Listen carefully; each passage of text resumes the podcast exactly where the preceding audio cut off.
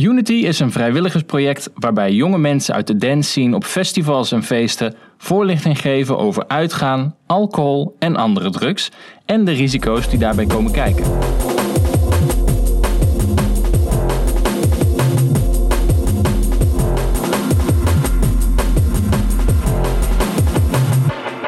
Mijn naam is Ayla en ik ben vrijwilliger bij Unity en vandaag leg ik uit wat er jaarlijks gevierd wordt op 20 april. Ieder jaar op 20 april komen stoners van over de hele wereld bij elkaar om met z'n allen publiekelijk een een sticky of een jonko te roken. Deze dag staat bekend onder de naam 420, de Noord-Amerikaanse datumtelling voor de 20ste dag van de vierde maand. Maar wat is nou precies het verhaal achter deze datum? Ivar van Unity Noord-Holland zocht het voor ons uit. De dag 420 klinkt voor de fans van de psychoactieve drug cannabis als muziek in de oren. Op deze dag viert de cannabisliefhebber namelijk het bestaan van de plant en is daarom een datum waar de cannabisgemeenschap het hele jaar naar uitkijkt. Er is natuurlijk geen betere manier om zoiets te vieren dan zo stoned als een garnaal in het gras de dag te spenderen. Het plantje kan worden gerookt in een jointje of met een pijpje, maar kan ook worden verdampt met een vaporizer of gegeten als spacecake of harsbonbon. Het effect van cannabis hangt natuurlijk af van onder andere de stemming op het moment van inname. Je weet wel, het bekende druk, set en setting verhaal. Maar het effect wordt over het algemeen als ontspannend ervaren.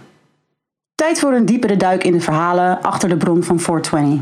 Sommigen zeggen dat 420 de politiecode is voor marihuana-overtredingen in de Verenigde Staten. Anderen beweren weer dat het de dag is dat Bob Marley jarig was of dat het de datum was waarop hij stierf. Ook wordt er beweerd dat cannabis 420 chemische bestanddelen bevat, of dat het de beste dag zou zijn om het plantje te kweken. Sommigen gaan zo ver dat zij de verjaardag van Adolf Hitler, geboren op 20 april, zien als mogelijke oorsprong. Maar de leukste theorie is misschien wel eentje die wijst naar de titel van een nummer van Bob Dylan, Rainy Day Women, number 12 en number 35. In dit nummer zingt Bob Dylan herhaaldelijk Everybody Must Get Stoned en het vermenigvuldigen van 12 en 35 komt uit op 420. Echter kunnen deze theorieën allemaal de prullenbak in. Bob Marley's verjaardag was op 6 februari en hij stierf op 11 mei. De politiecode 420 wordt in de Verenigde Staten soms wel gebruikt, maar dan vermoord. En er zitten meer dan 500 chemische bestanddelen in cannabis. En de beste dag om een plantje te kweken hangt toch echt af van het klimaat. Het klopt dat Adolf Hitler jarig was op 20 april, maar ongeacht de geruchten heeft Hitler gelukkig niets te maken met het opsteken van een jointje. Ook het nummer van Bob Dylan heeft niets te maken met de oorsprong van het getal. En deze twee laatste theorieën worden beschouwd als stom toeval.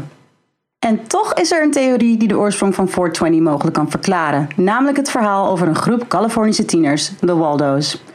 In 1971 zaten de vijf vrienden Steve Capper, Dave Reddix, Jeffrey Knoll, Larry Schwartz en Mark Ravage met elkaar op de San Rafael High School.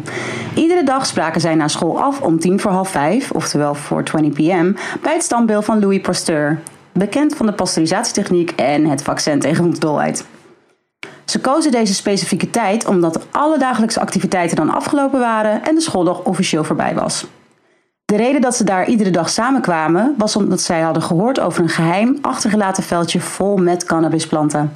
Ze maakten gebruik van een kaart, getekend door de schoonbroer van een vriend van de Waldo's, om dit veldje van een mysterieuze kweker te vinden.